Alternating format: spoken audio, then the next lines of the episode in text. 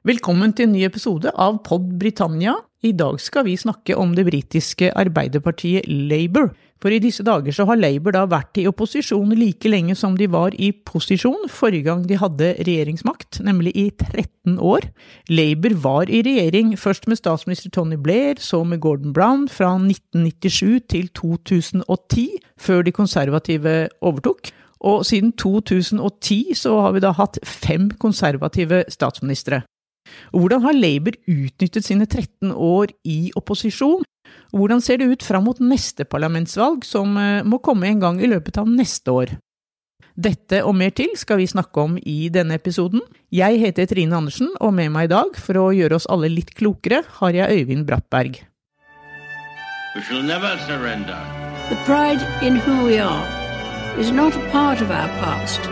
It defines our present and our future. The people of Scotland have spoken. England, Scotland, Wales, Northern Ireland together, taking us forward, unleashing the potential of the whole country. Ja, Øyvind, er det mulig å si noe generelt om hvordan eh, Labour har taklet 13 år i opposisjon? Man kan først av alt si at det har vært 13 eh, sammensatte år som har eh, formelig rast forbi, forbi, oss. Men spoler vi tilbake til der den perioden i opposisjonen begynte, så var det jo fortsatt finanskrisen som var, var stikkordet. og man hadde en ganske en, en fersk koalisjonsregjering fra konservative og liberaldemokratene. Og de var jo opptatt av å legge mye av skylden på Labour for det de mente var mismanagement, altså dårlig økonomisk hushold, rett og slett, i årene på vei inn i, inn i finanskrisen.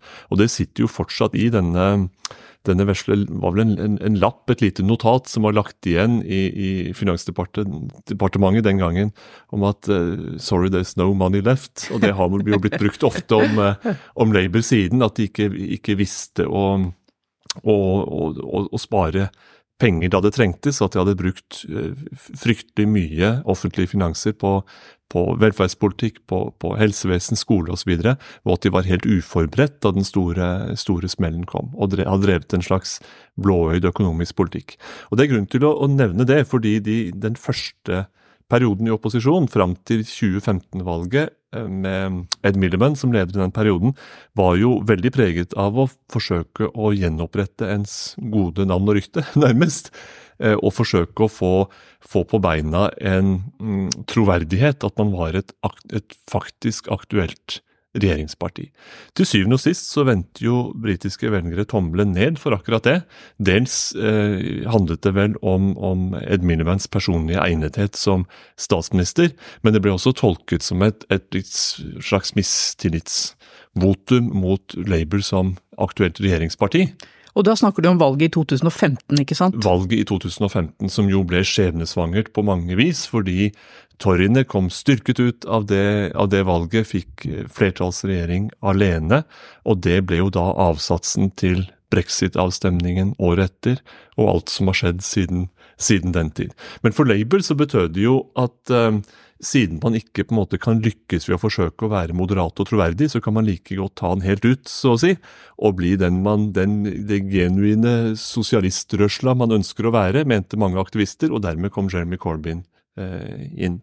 Og skal man spole videre, holdt jeg på å si, fra Corbyn-æraen, så har vel Starmer i sine nå eh, drøyt tre år som partileder forsøkt å gjøre nærmest noe lignende av det Ed Miliband drev med, altså gjenreise en slags sånn ansvarlighet og moderasjon Eh, profil med noen utvalgte radikale punkter, og så stå klart rustet når, når det neste valget kommer.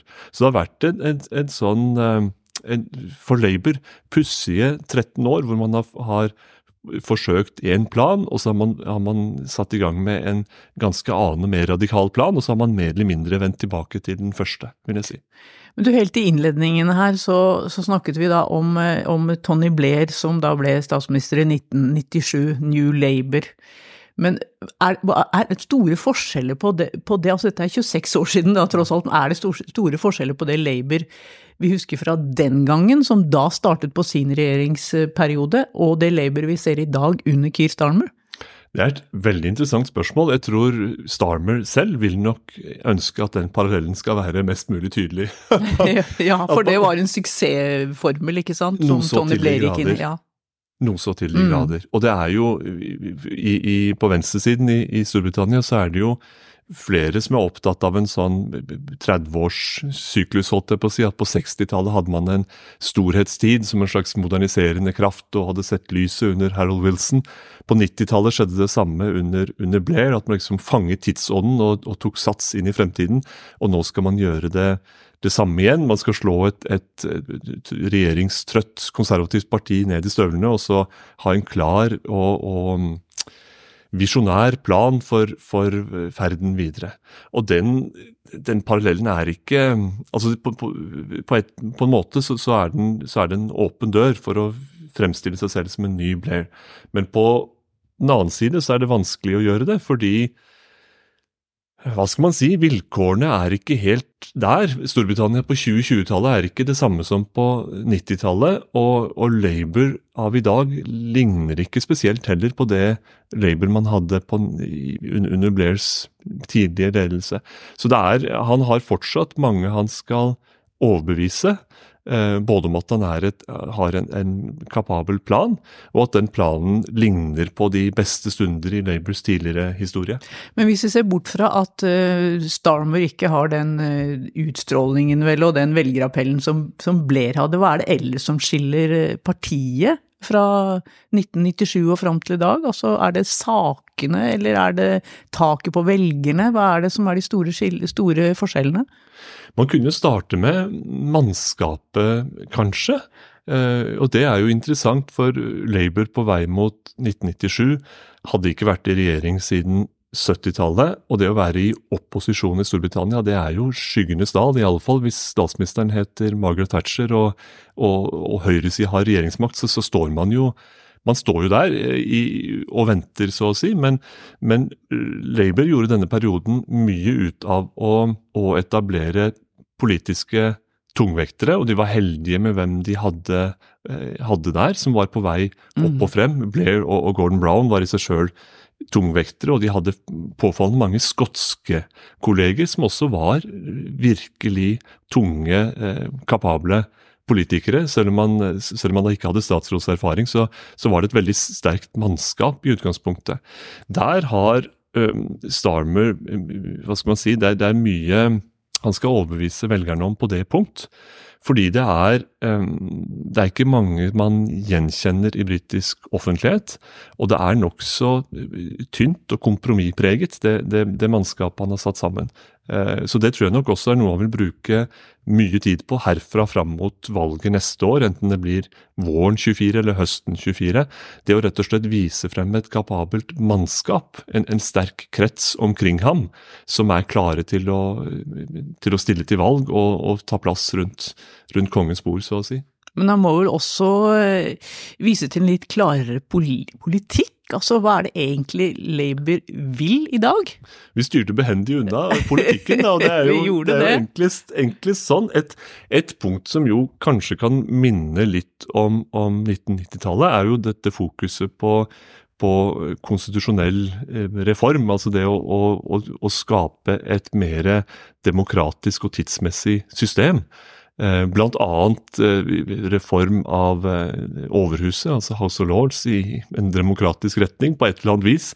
Og det å forsøke å finne frem til en bedre likevekt mellom felles institusjoner i London og selvstyremodellen for Skottland, Wales og Nord-Irland. Og dette er jo et, et ekko av 90-tallets eh, diskusjoner.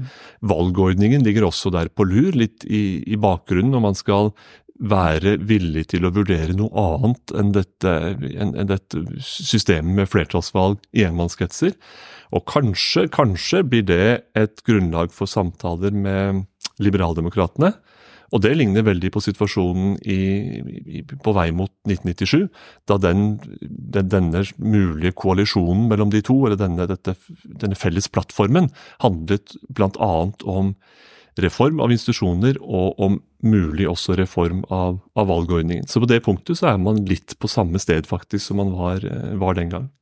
Og så nevnte du her Skottland, og der har det jo nå åpnet seg en helt annen mulighet for Labour og Keir Starmer enn bare for veldig kort tid siden, i og med Nicolas Sturgeons avgang og SMPs eh, tilbakegang. Altså, de har jo De mister jo oppslutningen så det suser nå. Det er jo en voldsom mulighet for, for Labour fram mot et uh, nytt valg. Det er en enormt spennende utvikling, uh, og det, det skal vi huske at i det svære enormt svære, disproporsjonale flertallet som Blair og Labour fikk i 1997, så var det en, en meget tung skotsk komponent.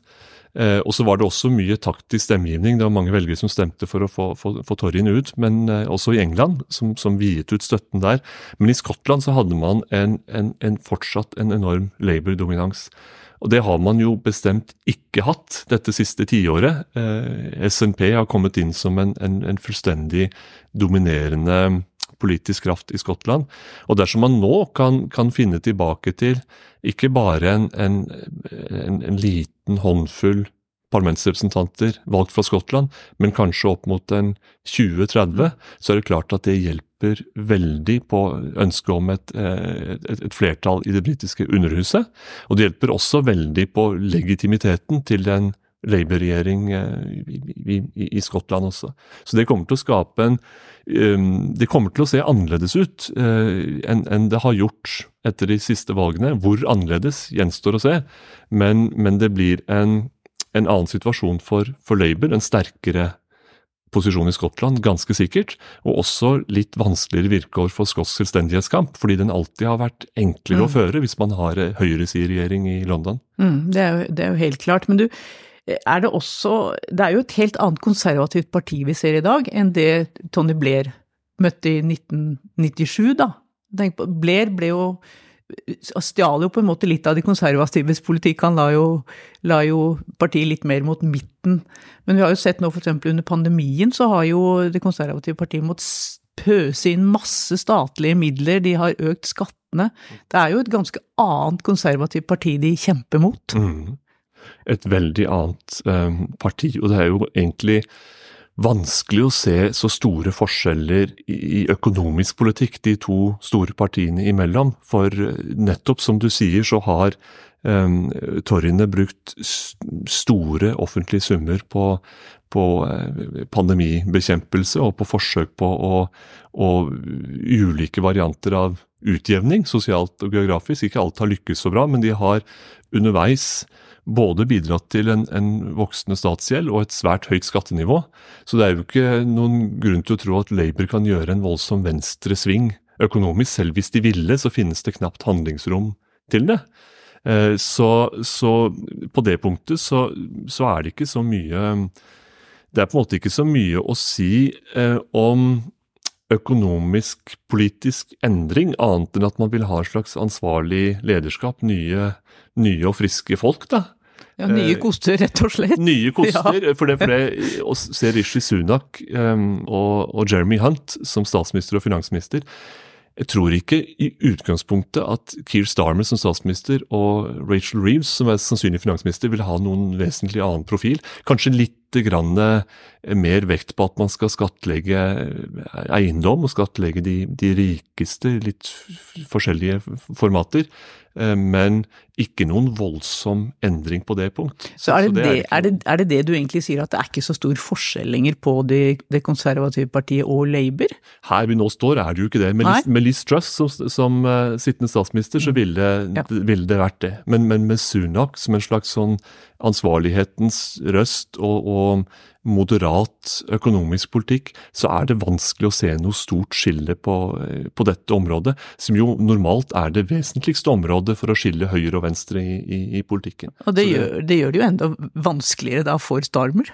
Det gjør det vanskeligere også fordi det, det lett dytter oppmerksomheten i retning andre typer konflikter, spesielt i alle disse verdispørsmålene, det man ofte oppsummerer med sånn kulturkrig-tematikk, eh, enten det er båtflyktninger i, i, kanalen eller betydningen av familieverdier og patriotisme og sånn, hvor, hvor eh, Labour da iblant skubbes i retningen sånn her er de radikale studentpolitikerne som, som bryter med konge og fedreland og, og vil ta imot flyktninger med åpne armer og sånt. Labour slås litt fort i hardkorn med, med den type stemmer. Eh, fordi man begynner å diskutere verdispørsmål i stedet for eh, brødpolitikk og økonomi. Og det er ikke Starmer spesielt eh, happy med. Det, Nei, det er altså, han ikke. Jeg, det, når vi tar opp dette, her, så er det onsdag. Jeg satt, satt akkurat og så på, på, på spørretimen fra Underhuset nå. og Det var akkurat det som dominerte nå. Det var jo akkurat dette med innvandring, hvor Starmer faktisk Nei, Starmer hører det når Sunak eh, anklaga Starmer for at dere ville jo bare åpne Storbritannia for alle, dere ville ha bare fri innvandring, det, bare, det vil bare gå oppover, oppover, oppover, oppover. Så det var jo, det er jo akkurat det temaet du sier her, som da, som da fremdeles de konservative da bare hogger løs på, på, på Labour, da. Ja, og det er jo det, det er en, en type konflikt og et, politisk debatt som Starmer nok aller helst vil nøytralisere og, og gjøre minst mulig ut av.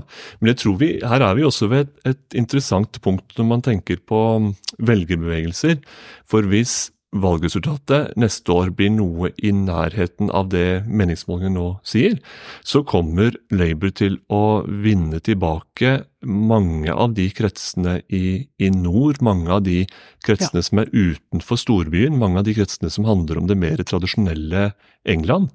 Og da vil så å si tyngdelovene dytte partiet mer retning sunn fornuft og brødpolitikk, altså vanlige, sånne, vanlige spørsmål i folks liv, og bort fra en del av de mer sånne seminarlignende eh, diskusjonene som har preget noe av storby-Labour de siste årene. Og det er noe av, av um, problemet Starmer har stått overfor også, at, at Labour per i dag er veldig dominert av, av um, liberale verdier i byen, og, og, aktivister i byen og politikere valgt fra byen, mens de har mistet mye av fotfestet utafor. Men det skal ikke så voldsomt store svinget til før man har gjenvunnet en del av de gamle kretsene og gamle politikerne, holdt jeg på å si, gamle politiske eh, nedslagsfeltene. Og da vil man også få dyttet fram igjen en del av de mer tradisjonelle venstresideverdiene. Eh, og det tror jeg Starmer vil, vil, ønske seg, mye mye mer enn den eh, kulturkrigen.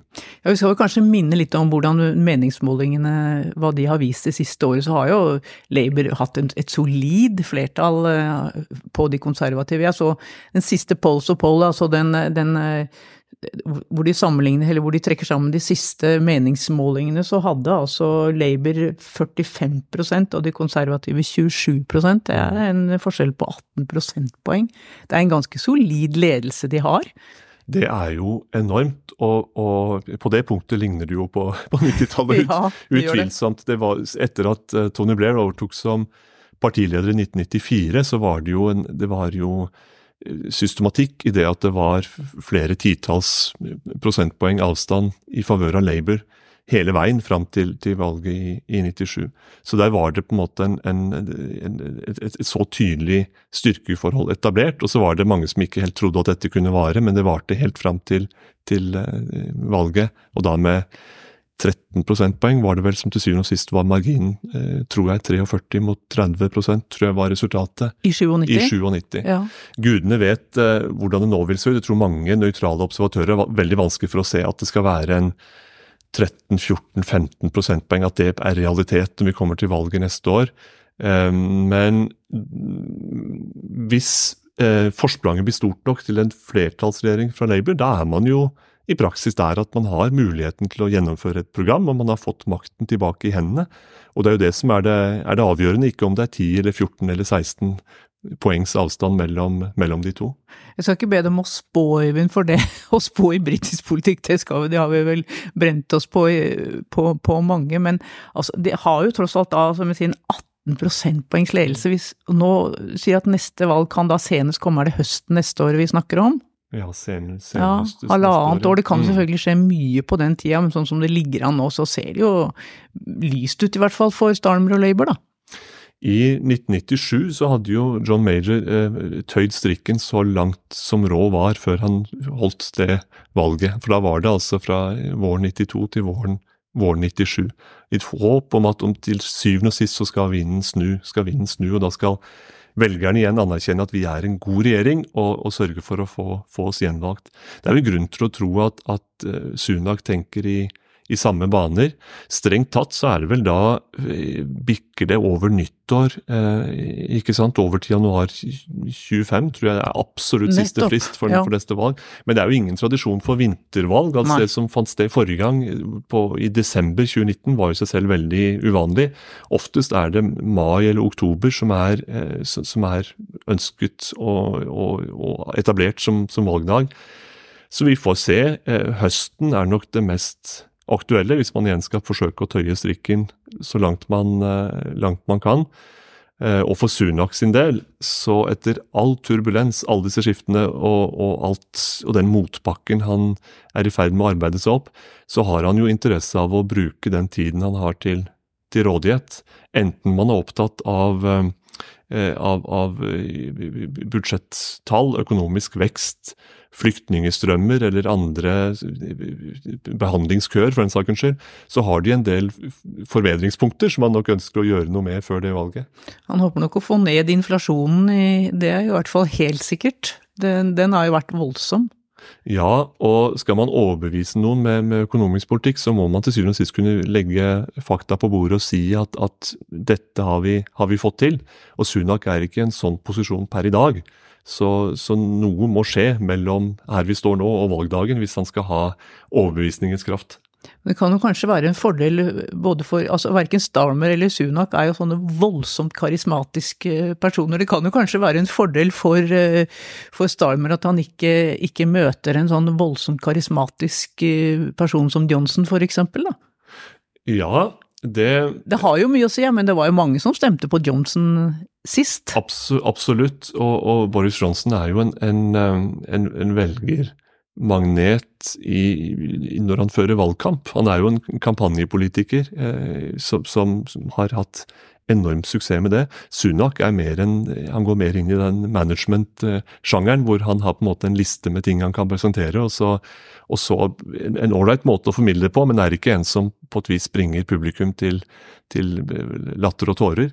Um, og det er jo ikke Starmer heller, så det vil nok bli en, en ganske Altså en, en, en, sånn kompetanseprega valgkamp med to eh, erklært dyktige politikere som skal forsøke å få fremstilt sine eh, budskap. Og det kan jo, det kan jo se litt traust ut, um, men jeg tror nok det er det man må må forvente, og så skal vi ikke håpe på for mye skittkasting heller, fordi rundt disse to lederne så er det også et ganske stort potensial for, for nettopp det. For, for en del eh, skitne knep som man bør håpe at det blir mindre av.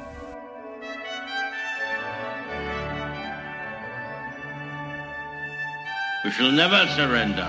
The pride in who we are is not a part of our past. It defines our present and our future. The people of Scotland have spoken. England, Scotland, Wales, Northern Ireland, together, taking us forward, unleashing the potential of the whole country. Order!